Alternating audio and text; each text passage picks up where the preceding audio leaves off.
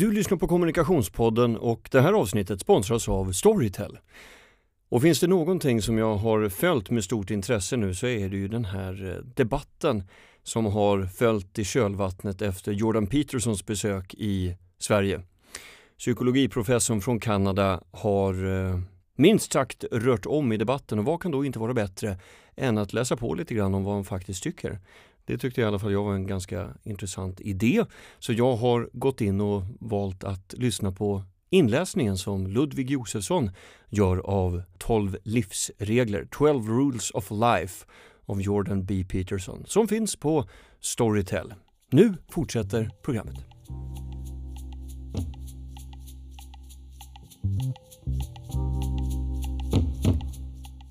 Hur får du som kommunikatör fler än grannen, systern och din sambo att dela inläggen som du har skrivit?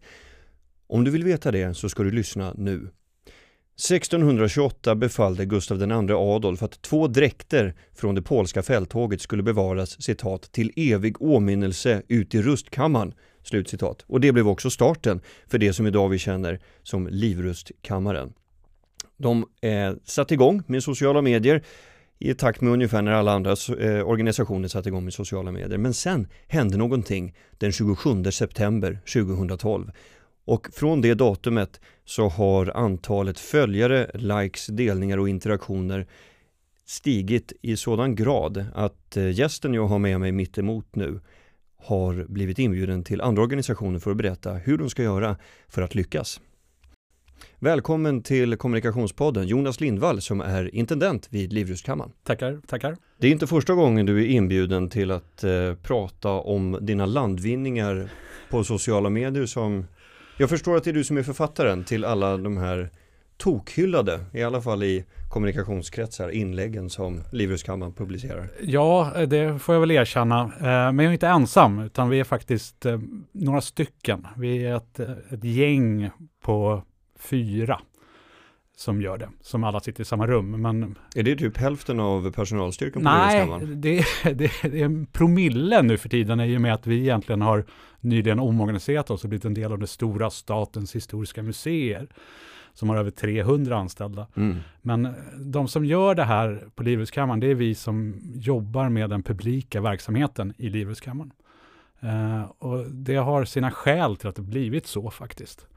Um, det var nog runt 2010, vilket är åtta år sedan, då kom det från ledningen någonstans ifrån. Lite oklart exakt hur eh, det har kommit fram. Antagligen så var det vår kommunikationsenhet som drev det här lite grann, att Livrustkammaren ska vara aktiva i sociala medier. Mm.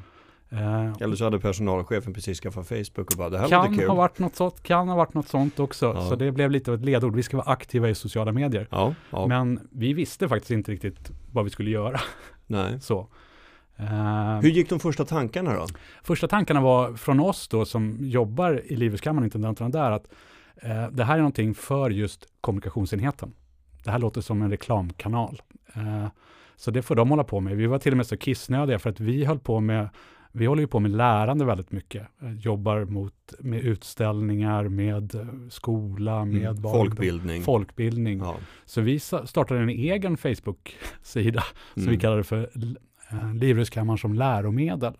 Ja, för vi ska väl bara, eh, som en kort passus här, Livrustkammarens kärnuppdrag är Eh, att förmedla kunskaper och upplevelser kring kulturarvet. Så skulle jag väl säga. Mm, just det. Eh, I en mening. Och i faktisk bemärkelse så innebär det att det är ni som håller koll på garderob, vapen och smycken ja, för kung, kungliga precis. kungahuset? Nej? Det, ja, Eller? nej, inte för kungahuset. Livrustkammaren är ju en del, är ju en del ligger under kulturdepartementet. Ja. Om man ska vara petnoga här. Ja. Eh, men det är så att Livrustkammaren och det här är kanske bra att känna till lite som en bakgrund också till just Facebook, vad som har hänt där.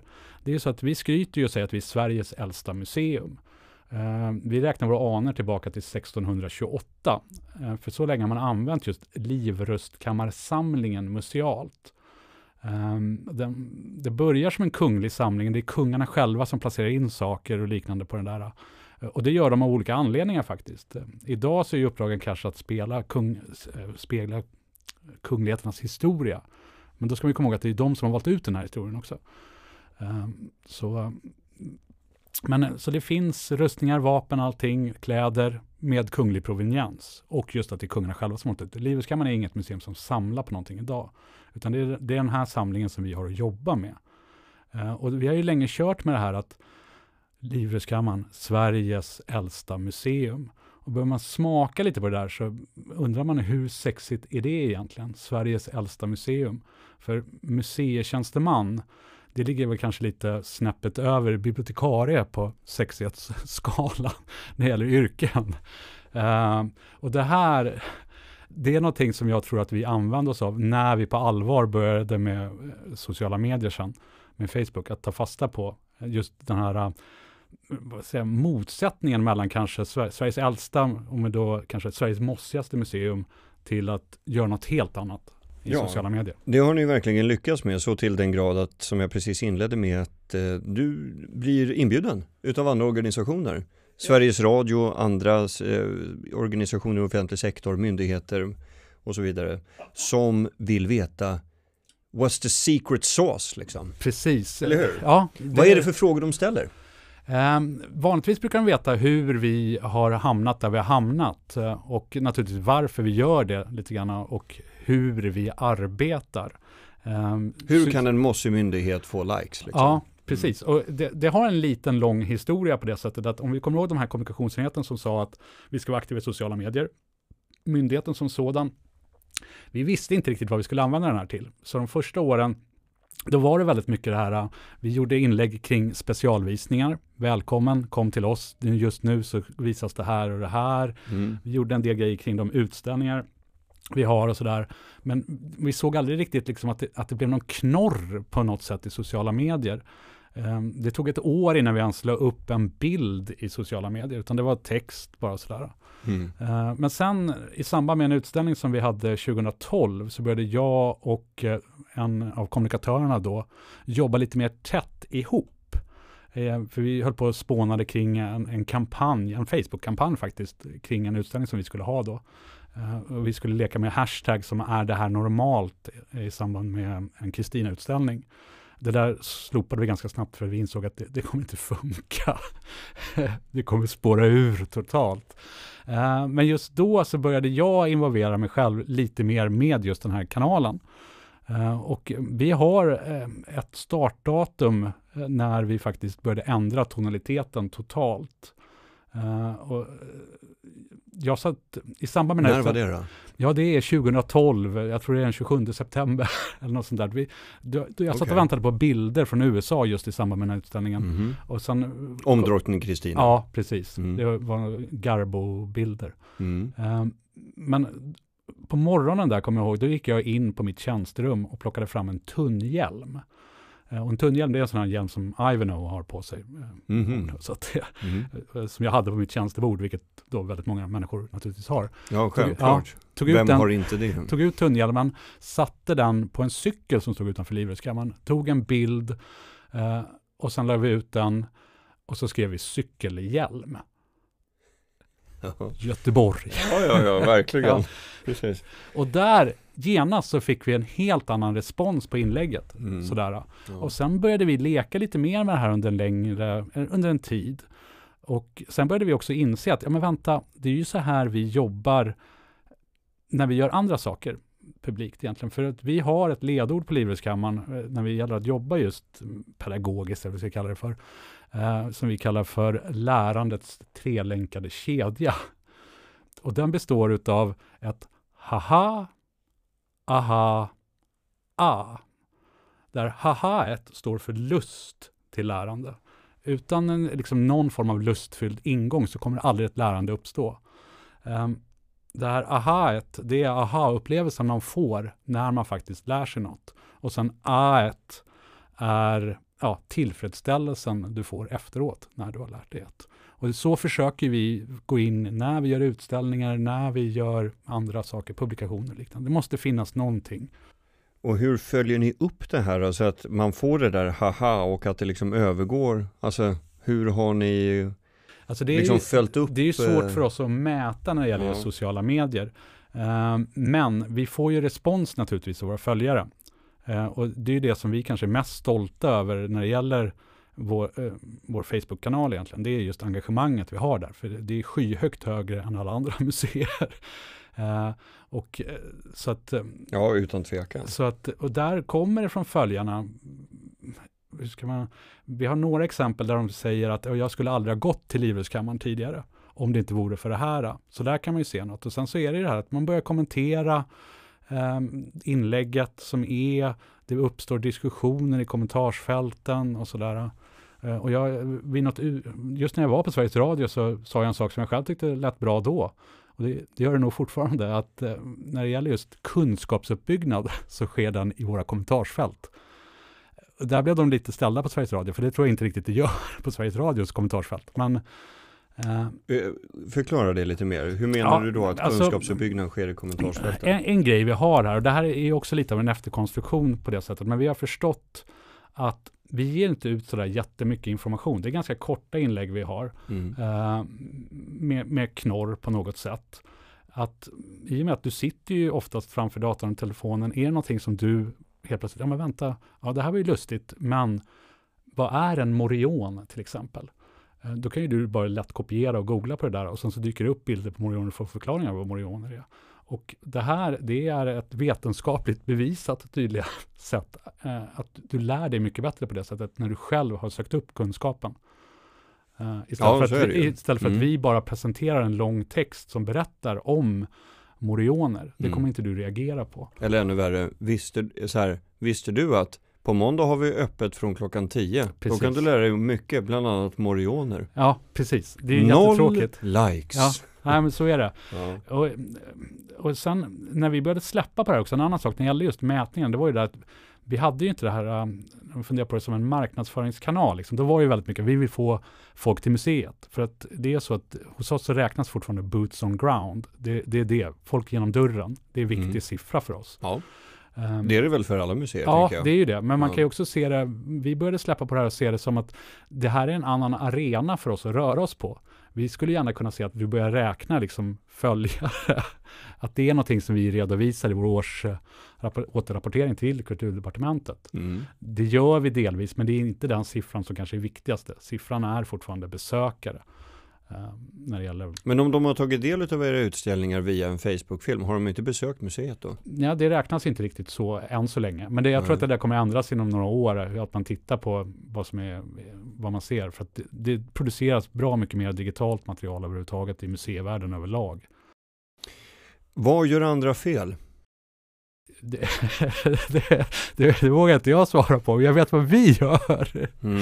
Så, eh, Men om du kan dra några generella ja, ska, slutsatser? En, en generell slutsats som vi har dragit under de här åren, det är det att när det gäller sociala medier, så nummer ett, det är att du måste vara social i sociala medier. Annars behöver du inte vara där egentligen. Eh, att det, det, är också en följare som har beskrivit det här väldigt bra tyckte jag i ett inlägg.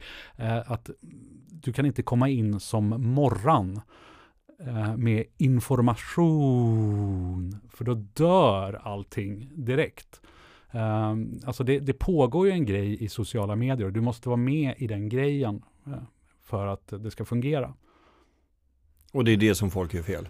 Ja, det skulle jag säga är huvudfelet egentligen. Att man ser man, kom, som... man kommer in på en fest, man kastar ut en massa papper med information ja. ingen har bett om och sen springer man därifrån. Ja, lite grann så. Mm. Och, och sen har du också, när det gäller Facebook till exempel, där kan du ju betala för att göra det här. Uh, och det blir ju nästan ännu värre.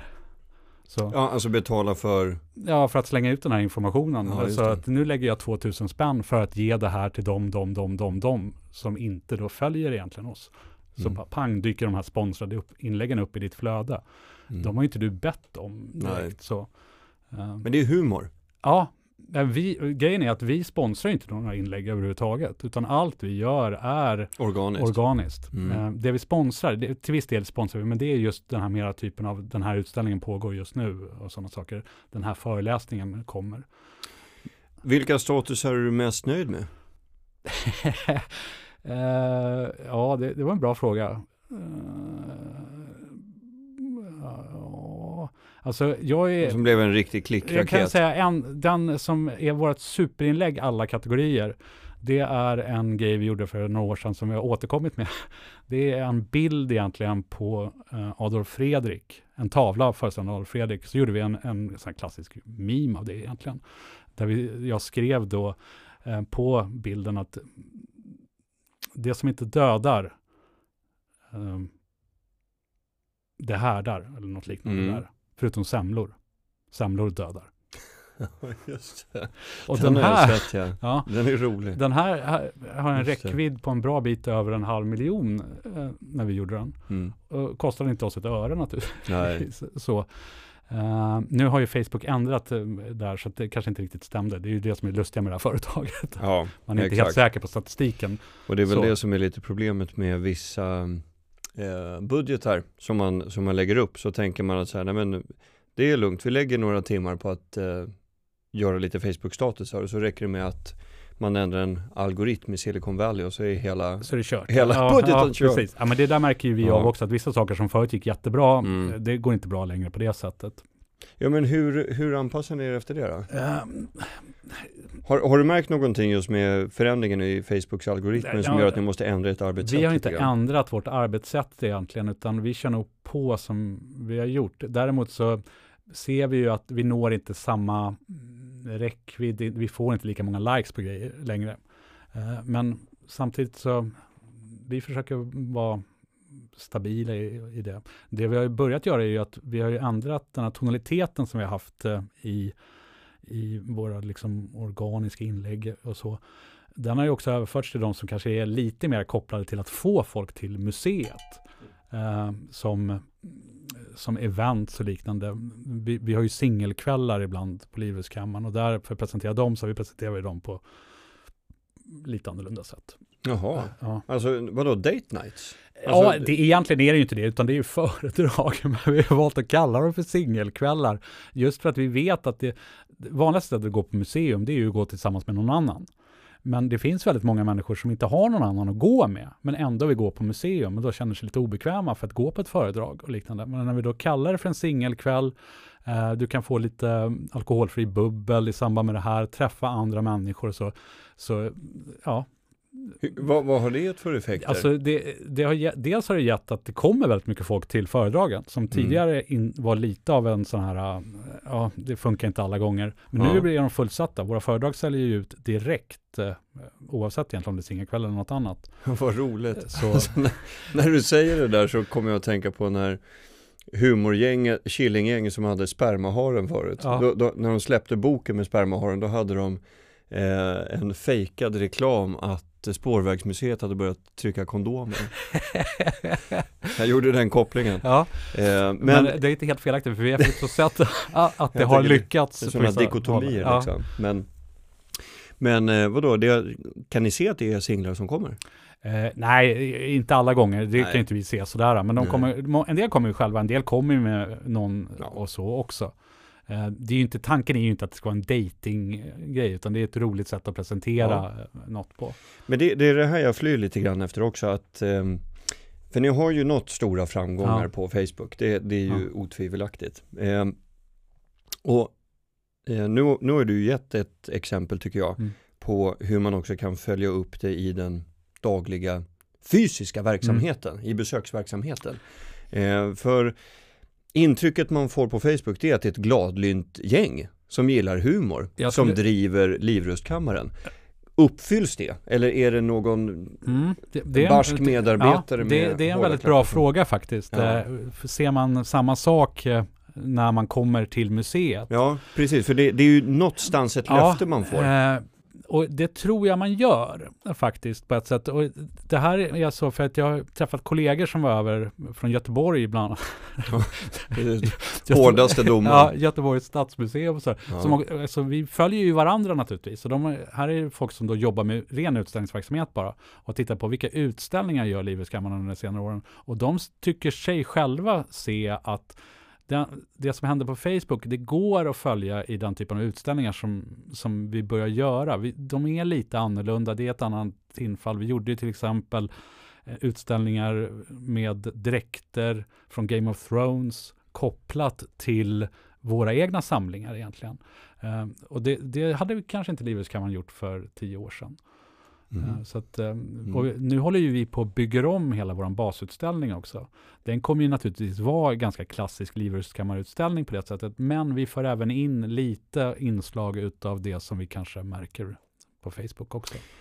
Hur eh, kan, kan du se att um, de fysiska besökarna som kommer till er och för att se utställningarna är från en annat demografiskt eller åldersmässigt skikt så att det inte bara är herrar och damer i lättskötta frisyrer? Uh, uh, Nej, ska jag vara ärlig så kan vi nog inte se det. För jag kan tänka mig att även våra Facebook-följare är damer och herrar i den. Alltså de följer demografiskt varandra ganska bra uh, mm. på det sättet att okay.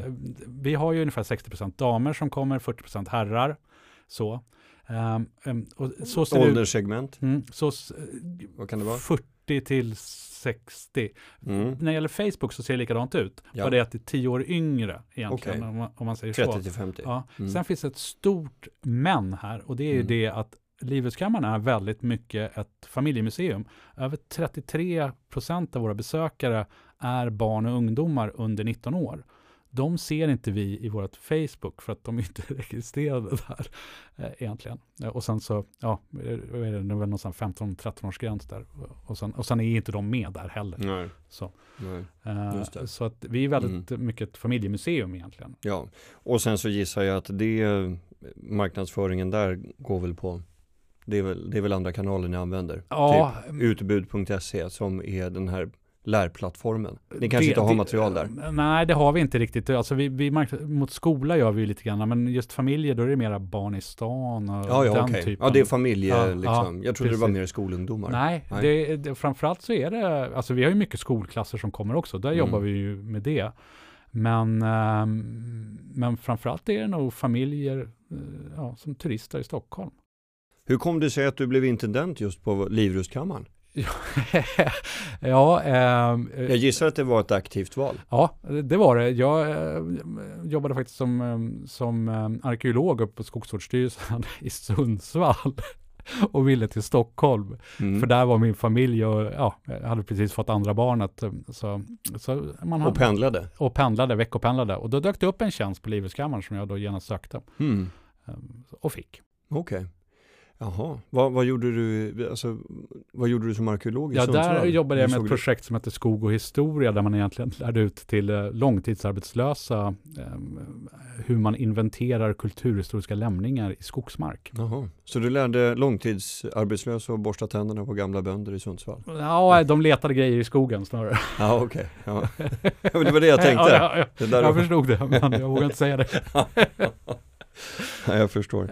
Eh, så om man då arbetar på en, en eh, organisation som kanske känner igen sig i de här exemplen som vi har lyft fram nu, exempel på när det kanske inte går lika bra, man kanske mm. inte får samma typer av interaktion. Hur eh, tycker du att man ska kunna pusha nudga deras attityder i rätt riktning? Alltså, kan vi, man börja någonstans? Ja, jag tror det. Från, tittar man på vårt exempel så var det ju så att vi var ju inledningsvis väldigt skeptiska till Facebook överhuvudtaget och det gällde hela personalstyrkan, förutom kanske några på kommunikationsenheten. Men vad hon gjorde då, min kollega, var att hon stalkade ju vissa personer som då hade, och jag kan säga 2010, då var vi ganska små ändå, vi var 60 anställda. Av de 60 anställda tror jag det var sex som hade ett Facebook-konto överhuvudtaget. 2010? 10, ja, ja, det var ju några år sedan. Men, mm. men, så, men vi har ju mm. också, ja, så att hon tittade, såg, ja men de här personerna, de är ju ganska liksom intressanta i sitt eget sociala medieflöde. Och det var väl hon som då kontaktade oss och tyckte, ja men kan inte ni börja göra någonting? Och det, då började hon och jag jobba lite mer tätt ihop och sådär. Och, och jag tror att en nyckel vi såg där, det var att vi började ju pusha oss själva. Vi hade en liten tävling faktiskt.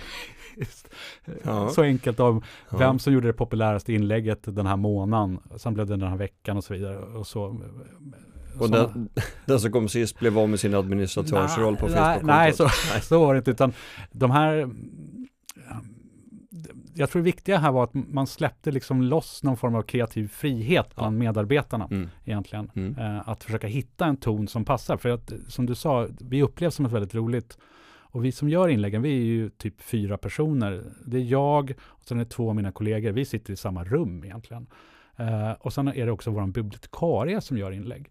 Eh, och hon kanske gör lite mer av den här typen klassiska museinlägg egentligen. Dagens datum, idag hände det här och bara mm. så. För vi vill ju inte bara ha eh, den här uh, internetkulturpratet, utan vi, vi är ju ändå en kunskapsorganisation, så vi vill behålla den typen av inlägg. Och vi tror att blandningen är det som gör att det blir bra också.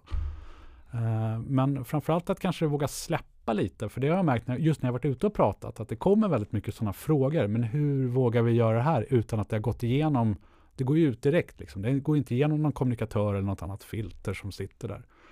Eh, utan det, det, handlar ju då från vårt håll om ledningsstöd. Mm. Ledningen ser det här och naturligtvis går det bra så tycker ju alltid ledningen det är bra. Eh, men att man litar på medarbetarna. Och det har jag sett i andra organisationer, det har man inte riktigt gjort. Så. Och i vissa fall kanske man inte ska lita på medarbetarna heller, för jag har sett en del exempel där det inte, eller hört om en del exempel där det inte mm. var så bra heller. Nej, så är det ju. Eh, Jonas Lindvall, intendent vid Livrustkammaren. Stort tack för att du ville vara med i Kommunikationspodden. Ja, lite så.